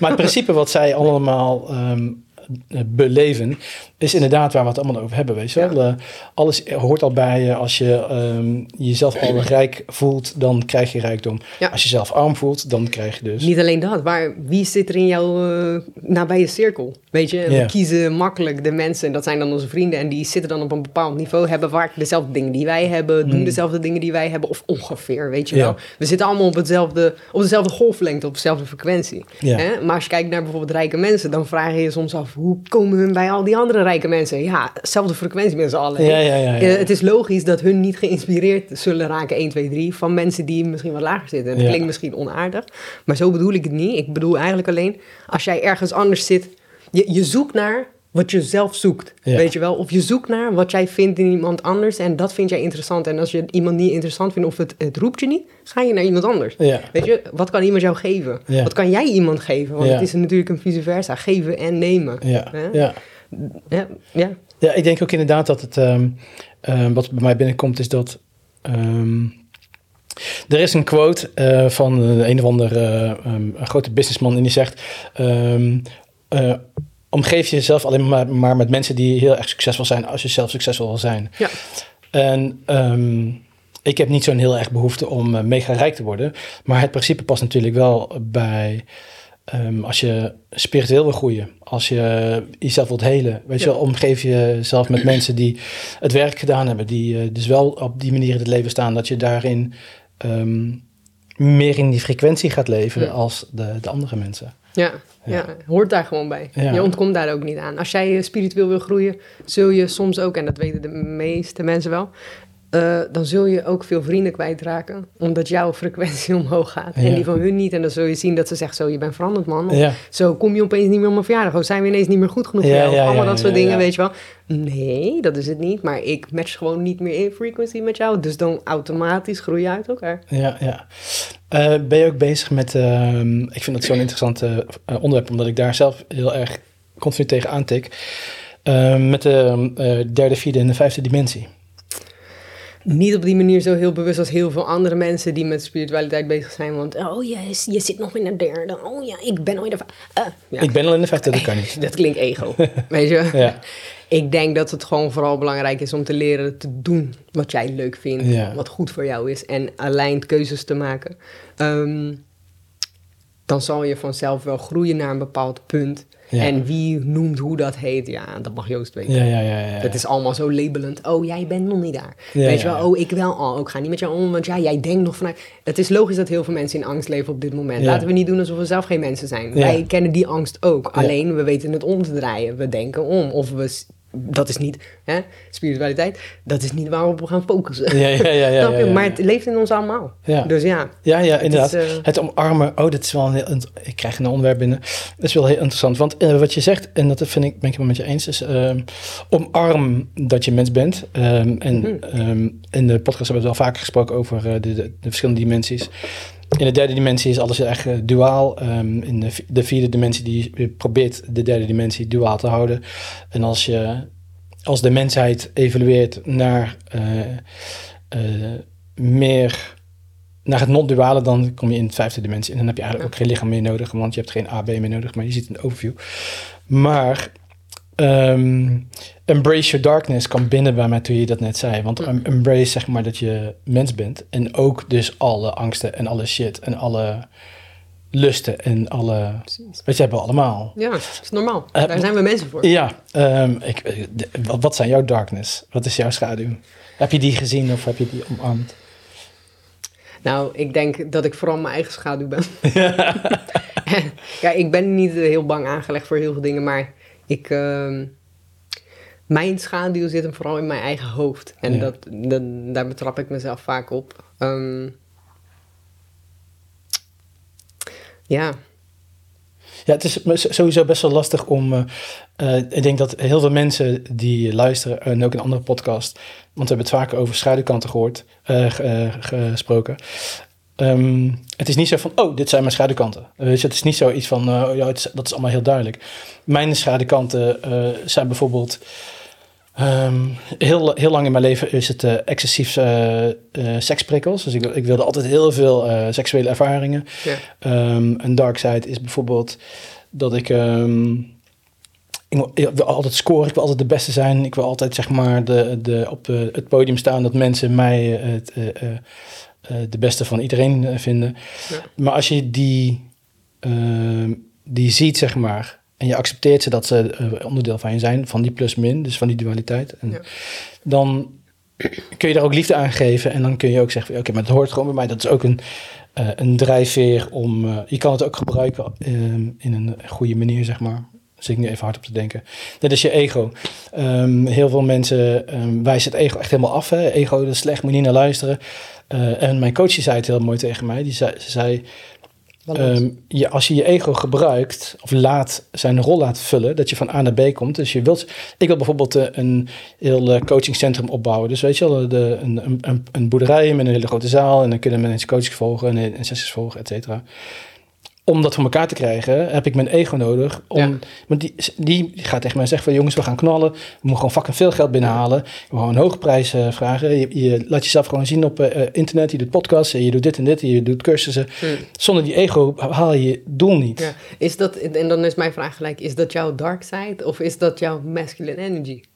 Ja, je, je, je masculiniteit is natuurlijk een... Um, een Die jou in beweging zet ja. om acties te ondernemen. Ja. Om hey, jouw onderneming in jouw hoofd te realiseren, te, in beweging te komen. Dus ja. Is, ja, ik weet niet. Ik, in, en dat is het. Mensen denken vaak bij zwart en wit dat zwart negatief is en wit positief. Ik persoonlijk denk, stel je voor dat je een klein kind hebt en je hebt innerlijk kindwerk. Hè?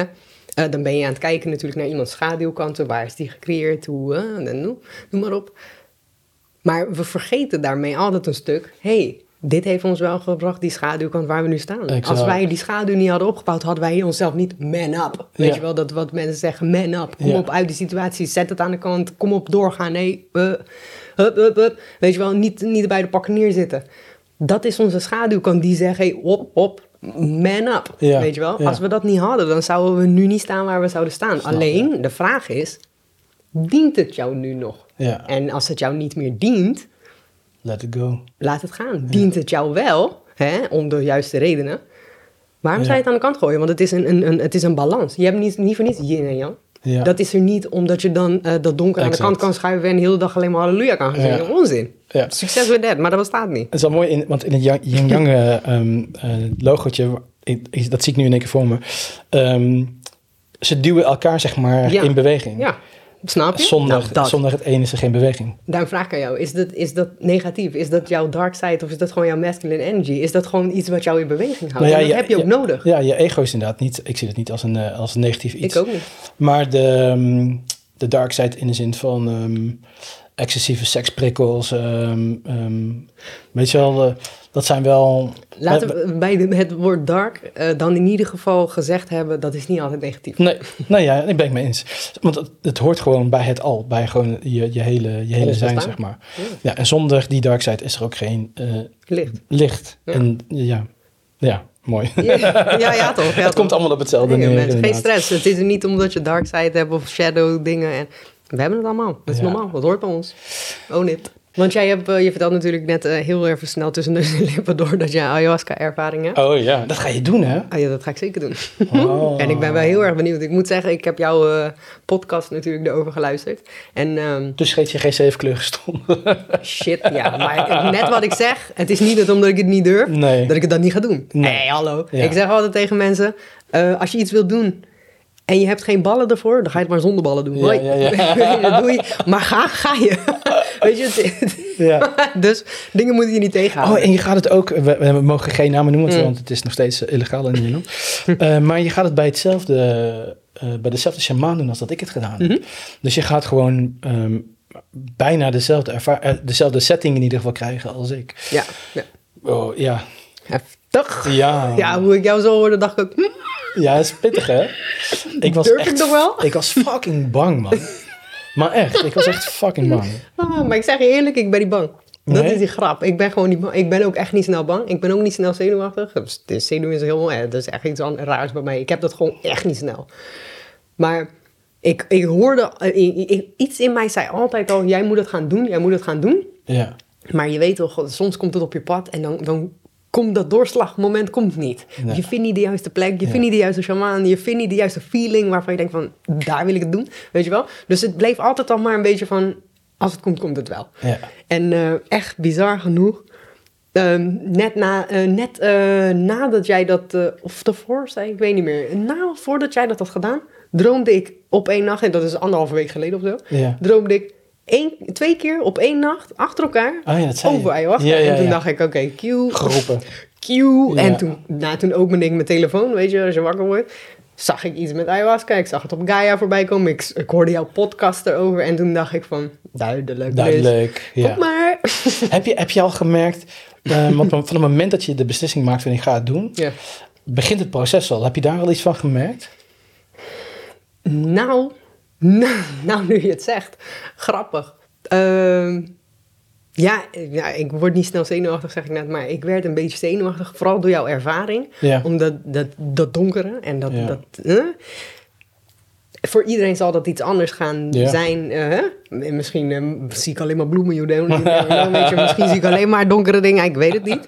Maar ik, ik zal het gaan meemaken. Maar ik werd een beetje zenuwachtig. Oh shit, ik ga het nu echt doen. Oh my god, nee, nu wordt het echt. Weet je wel?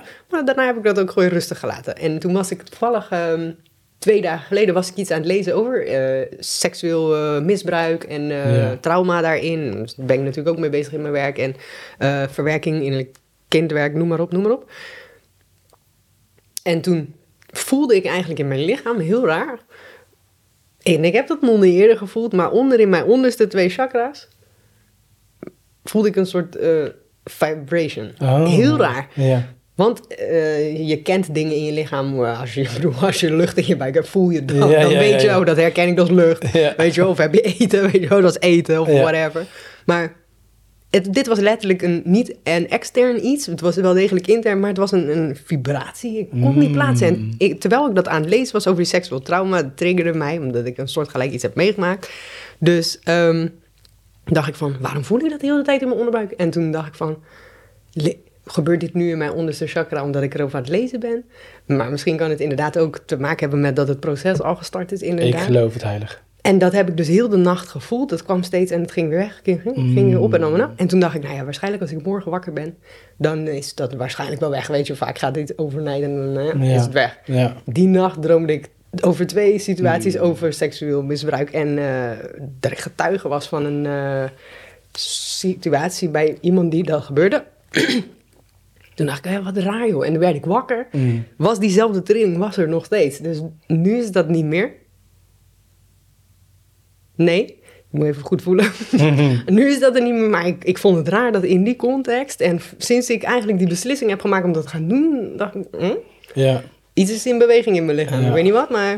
ja, ik weet natuurlijk niet wat je gaat meemaken... maar ik durf mijn hand in het vuur te steken... dat je daar een les in krijgt. Ja. Dat is zeg maar Shit. hoe die dingen binnenkomen.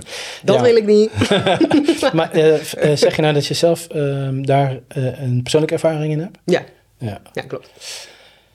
Um, ik vind het als ik, ik sprak gisteren iemand, was gewoon privé, was geen coaching. Mhm. Um, en die um, vertelde ook dat zij een persoonlijke ervaring ermee heeft. En dat zijn de momenten dat ik altijd een beetje dat ik gelijk nagedenken over de zin, je creëert je eigen realiteit. Ja. Je creëert je eigen ervaringen. En ik vind het best wel uh, intens. Stel met mensen die, uh, uh, waar hun ouders van vermoord worden of zo. Weet je, wat je wel zo leest op, in de krant of op tv, hmm. ziet in, vooral in Amerika. En dan denk ik van, damn man, hoe... Um, hoe verhoudt dat zich tot ja. waarom zou je dat willen? Ja, hoe, hoe intens, ja. En kijk, wij, wij bekijken natuurlijk als mensen van ja, het is fucking heftig. Is het ook. Beetje bij al means, het is fucking heftig. Maar vanuit een hoger perspectief is een mensenleven eigenlijk gewoon, ja, snap je?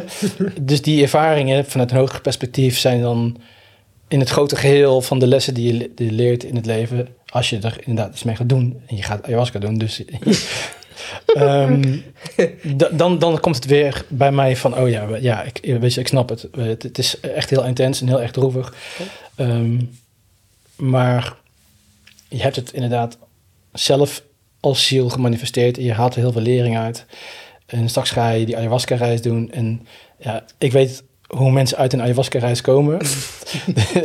dus ik denk van, je hebt, je, hebt, je hebt zoiets moois al nu gemanifesteerd voor jezelf. Het, uh, ik denk dat jouw vraag ook een beetje wilde net naar wat denk jij dat. Uh, wat is jouw, waarom heb jij daar dan voor gekozen? Tenminste, um, dat proefde ik een beetje. Ja, nou ja. Um, misschien geef ik, wil ik je de gelegenheid geven om daar iets over te vertellen als je dat überhaupt oh, wilt. Um, maar ik weet, ik, weet, ik weet niet of wij als mens zijn uh, bij de beslissing kunnen hoe we als ziel voor dit leven hebben gekozen. Nou, heb je daar wel heb je daar iets bij? Jawel, jawel. Oh. Ik nou, nu eigenlijk nu ter plekke, nu we het erover hebben. Ik had er nog niet zo over nagedacht, maar ik ging me net gelijk zelf de vraag stellen: waarom heb ik dat waarschijnlijk meegemaakt? Ja. nou ja, onder andere, ik werk nu met mensen die dergelijke dingen hebben ah. meegemaakt. Dus dat maakt het voor mij makkelijker om ze te begrijpen. Omdat Snap ik weet waar ze vandaan komen, dat is één. Um, maar ook um, vergeving. Oh. Vergeving als les in, je, in dit leven. Ik kan wel iets uh, vertellen hierover. Ik uh, heb daar niet zo heel veel moeite mee. Um, en dan kunnen mensen ook gelijk voor zichzelf bepalen in hoeverre dat seksueel misbruik is. Maar goed. Uh, het als was jij, als jij, als het jij was ongewenst. Ja. Het was ongewenst. Ja. Laat dat duidelijk zijn. Ja. Um, ik denk dat ik een jaar of dertien was. En ik eh, ging bij mijn opa en mijn oma slapen en mijn oma was er niet. En mijn opa zag ruimte daar om mij op schoot te nemen en mij te zoenen in mijn nek en aan te raken en beneden aan te raken. Ehm, dat zie ik als seksueel misbruik. Ja, oké, goed. Ja, oké. Ehm, maar daar bleef het gelukkig bij. Maar dat heeft zich wel een aantal keer die week voorgedaan. Hmm. Ehm, wel gewoon op mij te leren hoor. Maar goed, eh, dat zoenen en al dat andere toestanden, ja, dat was wel gewoon, eh, ja, fysiek uh, aanwezig. Ehm, ik heb daar heel lang niks over gezegd, omdat ik dacht van, ja, kijk, mijn moeder had altijd problemen met haar moeder. Dus die band boterde niet. En mijn moeder had op zich wel een relatief oké relatie met mijn opa. En ik wilde dat niet ook nog van haar afnemen. Mm. Plus, dan krijg je natuurlijk het uh, al bekende verhaal. Niets vertellen, hè, dat is onschijn. Maar dat is het onzin. Maar, ik wil heel even, want ik vind het interessant. Uh, ik vind het wel mooi om aan te stippen dat zo, zo werken wij als mensen. Dat als je als kind zijnde ja. als eigenlijk zo wijs bent dat je denkt, je gaat redeneren, als ik het vertel, dan, uh, dan beïnvloed ik de relatie tussen mijn moeder en haar vader. Ja. En dat is dan al een reden om te incasseren. Ja. En ik denk dat heel veel mensen dit herkennen, die um, um, ja. Ja, wat dan ook hebben meegemaakt. Ja, ik denk het ook, ja. Want je denkt uh, ook aan de, je wil de, de toestand niet uh, overhoop halen. Ja. En allemaal dat soort dingen. Dus, oké, okay. ik had het gelaten voor wat het was. Ja. Sorry.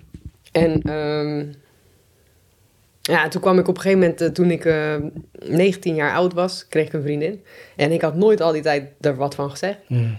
Um, en er deed zich een situatie voor dat dat opeens aan public besproken was zonder dat dat de bedoeling was. Dus dat was ook helemaal niet wat ik zag aankomen. Nee. Maar ja, het werd gewoon voor mijn poten geplukt en toen dacht ik, oké.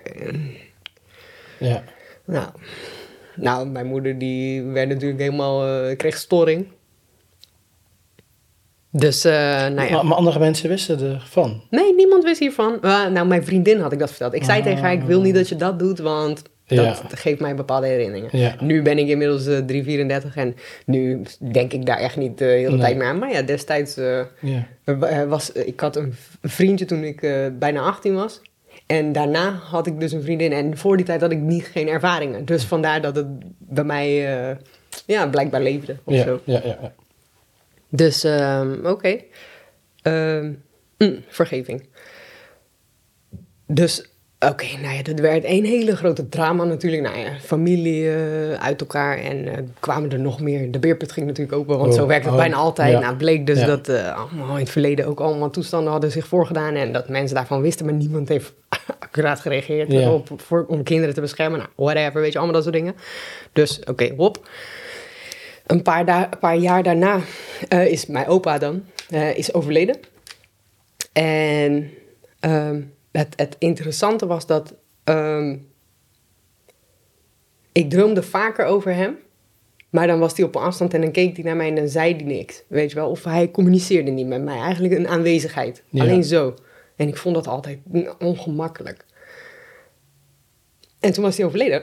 En die nacht dat hij was overleden, was hij weer in mijn droom. En dat was de eerste keer dat hij tegen mij ging praten in mijn droom. Oh. En toen dacht ik, oké.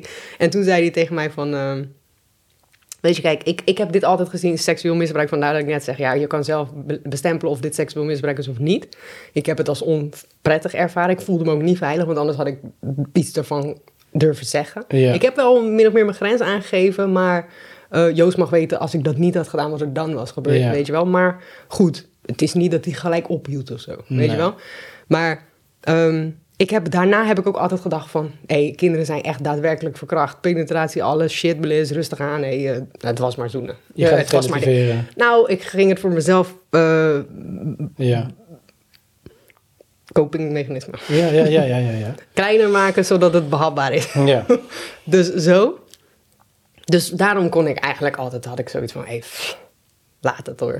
Mm. Ja, toen was hij overleden en toen kwam hij dus uh, in mijn droom bij mij. En toen zei hij van... Uh, ik weet niet meer precies met welke woorden, maar hij, het kwam er letterlijk op neer dat hij zei... ja, dat en dat heb ik bij jou gedaan en dat spijt mij. Sorry mm. daarvoor. Weet je wat, dat had ik niet mogen doen. Something.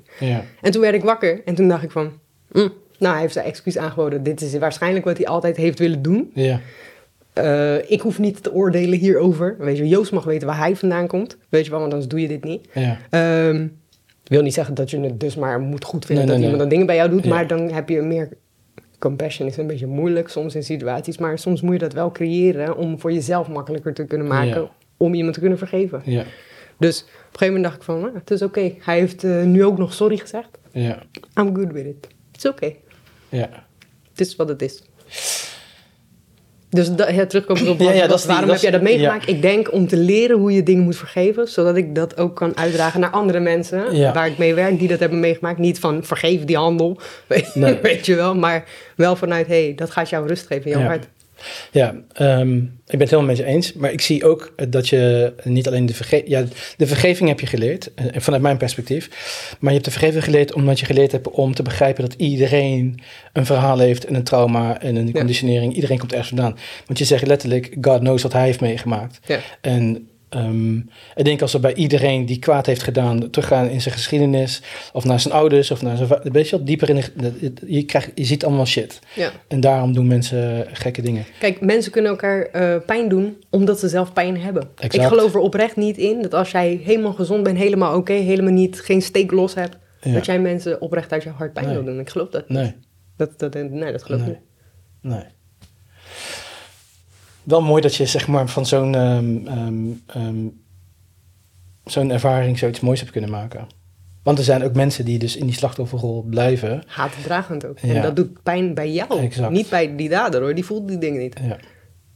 Ik maakte voor mezelf eh, een, ehm, een, vergelijk, eh een vergelijkingje. Ik, ik dacht van, ah, dat- ik had het bedacht en dat ga ik dan ooit een keer uitleggen wanneer het... eh, Nou, Ja, ik, ik weet niet of het nu zeg maar to- toepasselijk is. Maar wat ik wel voor me zag was het als ehm, de ver- verantwoordelijkheid. Hè? Dus je zegt je bent zelf verantwoordelijk voor het helen van je Mm. eigen pijn. Mhm. Dat is niet de verantwoordelijkheid van een ander. Ook niet de verantwoordelijkheid van je opa. De heling van je pijn, dat is je eigen verantwoordelijkheid.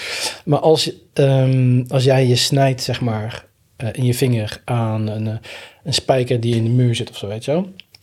Je hebt een wondje dan is het niet de verantwoordelijkheid van de muren van de spijker om het wondje te helen. Het is de verantwoordelijkheid van je lichaam om het wondje te helen. Als jij zeg maar gewoon ergens anders naartoe gaat, die muur gaat jou niet achterna van hé hey man, sorry, eh, ik, kom, ik kom even je wondje eh, bepleisteren en zo. Jouw lichaam denkt ja, fucking kut, maar het is Ja. mijn verantwoordelijkheid om het te helen. En zo is het ook met de dingen die je in je leven meemaakt. Al die shit die je hebt meegemaakt, ja, het heeft een oorzaak. En we kunnen er op spirituele manier naar kijken van het heeft een... Je hebt het zelf gecreëerd, want je hebt een levensles te leren. Maar ook, al- ook al kijk je daar op die manier niet naar. Je hebt nog steeds zelf de verantwoordelijkheid ja. om jezelf te helen. Het is niemand anders zijn verantwoordelijkheid. En dat is misschien wel heel kut voor de mensen die dat horen, die dan... Heftige dingen hebben mee. Ja, die denken van ja, maar het is fucking zijn schuld.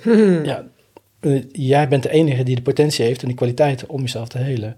Dat. Ja, en daarom vind ik het dan mooi dat in, eh, in ieder geval in die spirituele kant waar wij dan op zijn gegaan, en met name ook die traumahelingen kant, dat je echt ziet dat je die krachten en die kennis allemaal hebt zelf. En dat ga je merken in die ayahuasca-reis. Dat, dan kom je er echt achter van, oh shit, ik heb echt zoveel helingkracht in mezelf. Ja. Ik geloof ook dat ik dit kan. Ja, Ik geloof ook dat ik dit nodig heb. Ja. En ik geloof ook dat het me oprecht een heel ander mens gaat maken. ja, Daar ben ik wel een beetje uh, zenuwachtig niet echt, maar dat vind ik wel spannend. Omdat ik niet weet hoe ik eruit ga komen, maar ja, dat weet je nooit. Nou ja, wat ik in ieder geval gezien heb, en ik, dat is natuurlijk ook maar beperkt, want het is maar één groep geweest. Maar iedereen kwam er zo zachter uit en zoveel Ja. kwetsbaarder en nederiger. Ik was echt fucking nederig. Ik heb echt dagenlang alleen maar met tranen in mijn ogen gezeten, eerbied voor het leven. Ehm, als ik nu ook andere mensen ontmoet of spreek, Je bent iedereen ayahuasca aan het adviseren. zeg je? Je bent iedereen dat aan het adviseren. ja. nee, ik, zeg, ik zeg eigenlijk tegen iedereen van doe het niet tenzij je de calling hebt gehad. Ja. Ga het niet doen omdat je denkt van ik ga even een leuk trip of zo. Of ik ga even een leuke ervaring aan. Nee, maar doe het echt als je, zoals jij weet je wel, je droomt erover. Ik heb gewoon tien jaar lang gezegd, ik wil het niet. Ik vind het fucking eng. Ik heb genoeg shit meegemaakt met eh, LSD en met eh, dit trip. Ik wil het niet. En op een gegeven moment, midden in die trauma-helingproces waar ik in zat, ik, ik, ik, ik weet niet wat het was, maar iets zei tegen mij, ja, Jamie, het is tijd voor ayahuasca. Uit het niets. Niemand die tegen mij zei. Ik had nergens gelezen. Het kwam gewoon bij me binnen van, ja, en de beredenering voor mij was van, je kan heel veel zelf oplossen met eh, zelfwerk en met coaches en noem maar op. Maar die echte, echte, echte diepe shit, die misschien zelfs nog niet eens herinnert, omdat je het zoveel hebt weggeduwd, daar gaat zij, zeg maar, gewoon even de bezem doorheen halen. En dat was ook, er waren gewoon twee dingen die zo diep zaten. Maar ook collectieve trauma's. Hè? Dus eh, ehm, ik had op een gegeven moment een, ehm, een moment dat ik zo diep eh, de eenzaamheid voelde van ik als kind die geen ouders eh, had die er voor me waren. Maar ik voelde, en dat ga je misschien ook ervaren, dat als je door zo'n pijn heen gaat, die pijn wordt dan een keer groter, groter, groter, groter, groter, groter. Mhm. En dan realiseer je gewoon, oké, dit is de collectieve pijn van alle kinderen die dit hebben meegemaakt. Mm. En dan wordt het heel intens. Maar je, mama Aya is bij jou en zegt tegen jou, wij gaan hier samen doorheen, jij kunt dit. En die duwt je gewoon zachtjes er doorheen. En dan ga je graven, graven, graven. En dan ga je er doorheen en dan verlichting. Het is het mooiste, mooiste ervaring van mijn leven, man. Nee, heel benieuwd. ik kan niet wachten. Ik wil je eigenlijk spreken als je als het gedaan hebt. Is goed. Want wanneer ga je, zei je? Eh 6 tot 8 mei. Dus twee keer. Ja, Ja. ja. precies. Het is een weekend. eh, Ja. Ja, en ehm, als, het, eh, als je hetzelfde doet als ik, dan heb je de eerste nacht heb je, of avond heb je anahuasca. Dat is, dat is heel erg in je mind. Ja. Dan ga je heel veel dingen zien en heel veel dingen. Je gaat denken ook, je gaat analyseren. Ik in ieder geval. En ayahuasca is meer voelen, dus meer in je lichaam. Dan zijn die visuals zijn veel minder, maar wat je voelt is echt. Het is gangster. ik ben daar klaar voor. Ja, nice. I'm ready. Even kijken, ehm, anderhalf uur. Ehm dankjewel voor het hele leuke gesprek. Zullen we afspreken dat we nog een keer spreken wanneer je de ayahuasca-reis gedaan hebt? Zeker, ik ben Eh, benieuwd. want ik ben heel benieuwd hoe, hoe je eh, daarnaar kijkt op alle dingen die we nu besproken hebben. En eh, misschien ook hoe je spiripraatjes Ja. gaat benaderen Zeker, en zeker. je coachingwerk. Ja, ja, dan kan ik meer vertellen ook over wat voor werk ik Ja, ja, ja, ja, Want ik, ja, dan ben ik al naar buiten gekomen. ja, spannend. Maar ik ben ook heel benieuwd of dat allemaal- Effect gaat hebben ja, een daarop. beetje anders gaat zijn, omdat je dus die ayahuasca-reis hebt meegemaakt. Ja, ja. Ja, ja, ja zeker. Doe maar. Nice. Oké, dankjewel. Thanks for having me. En je hebt een super lief hondje wat de hele Mm. tijd rustig heeft gezeten. Wat een droppie. Als je de video kijkt, dan kun je er eh, ja, nou niet meer zien. Maar daarnet eh lag ze lekker op je... Kijk dan, wat een droppie. Man, ik, ik, ik heb zo'n zwak voor hondjes. Moppie. Miauw. Mensen die alleen maar luisteren, die denken van what the fuck. Een hond die miauw heet. Ja. Alright, dankjewel en tot eh, de volgende keer. Tot de volgende keer. Doei.